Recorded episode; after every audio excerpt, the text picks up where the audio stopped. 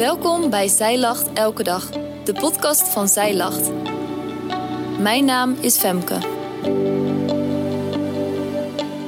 Dit is de overdenking van 8 november, geschreven door schrijfster Linda Albers. Jij bent een mooie rank. Je zit stevig vast aan Jezus, de ware wijnstok. Zitten er druiven aan jouw rank? Ik hoop dat mijn rank barstensvol zit met grote, zoete, sappige druiven. En dat de wijnbouwer hier een overheerlijke wijn van kan maken. Weet je wat Jezus leert over hoe wij vrucht kunnen dragen? In Johannes 15, vers 5 zegt Jezus: Ik ben de wijnstok, u de ranken. Wie in mij blijft en ik in hem, die draagt veel vrucht. Want zonder mij kunt u niets doen. Bij ons in de buurt ligt een wijngaard. Als ik daar langs fiets, zie ik de keurige rijen druivenplanten. Allemaal even hoog en goed onderhouden.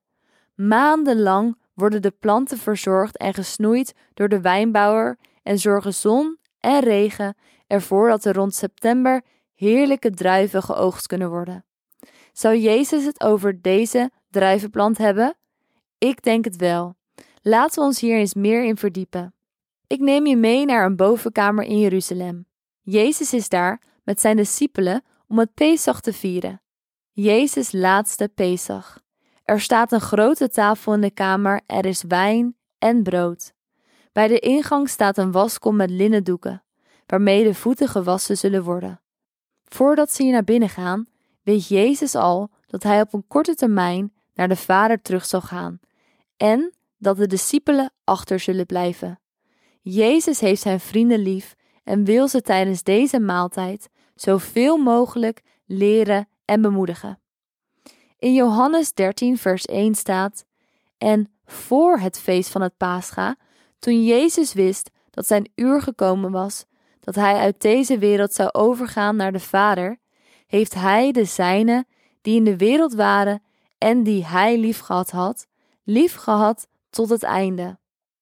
Na de maaltijd staan ze op om te gaan, maar opnieuw richt Jezus zich tot zijn discipelen.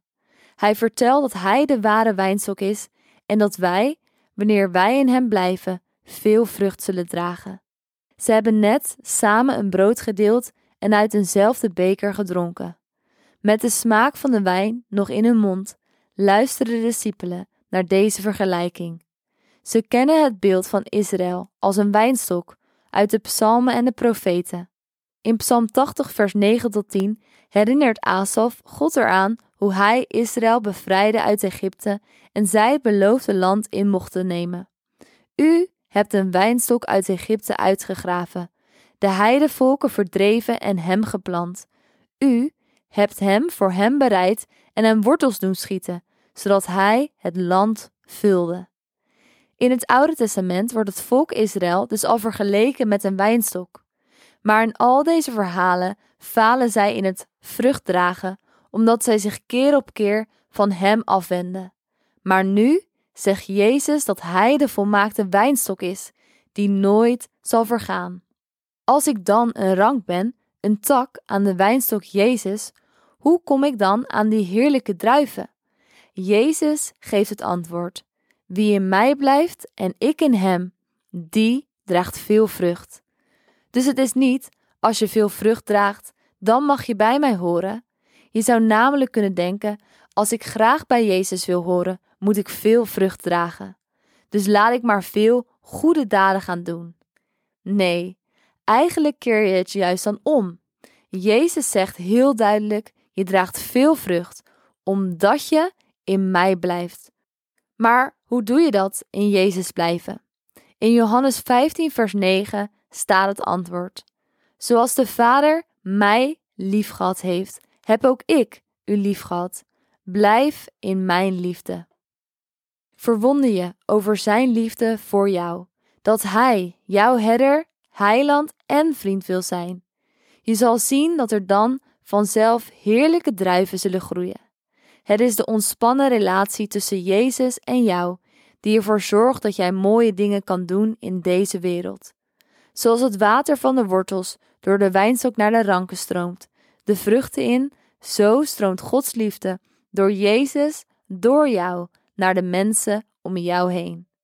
Je hoeft dus helemaal niet te focussen op de druiven. Die komen van God, de wijngaardenier, die voor de wijnstok zorgt. Dus focus je op jouw redder.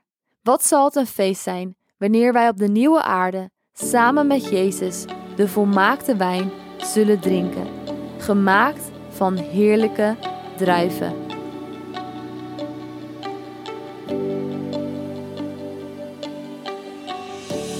Dankjewel dat jij hebt geluisterd naar de overdenking van vandaag. Wil je de overdenking nalezen? Check dan onze website. Je vindt er ook meer toffe dingen die jou helpen om de Bijbel vaker te openen, zoals boeken, Bijbels, cursussen en evenementen. Morgen ben ik weer bij je terug met een nieuwe overdenking. Tot dan!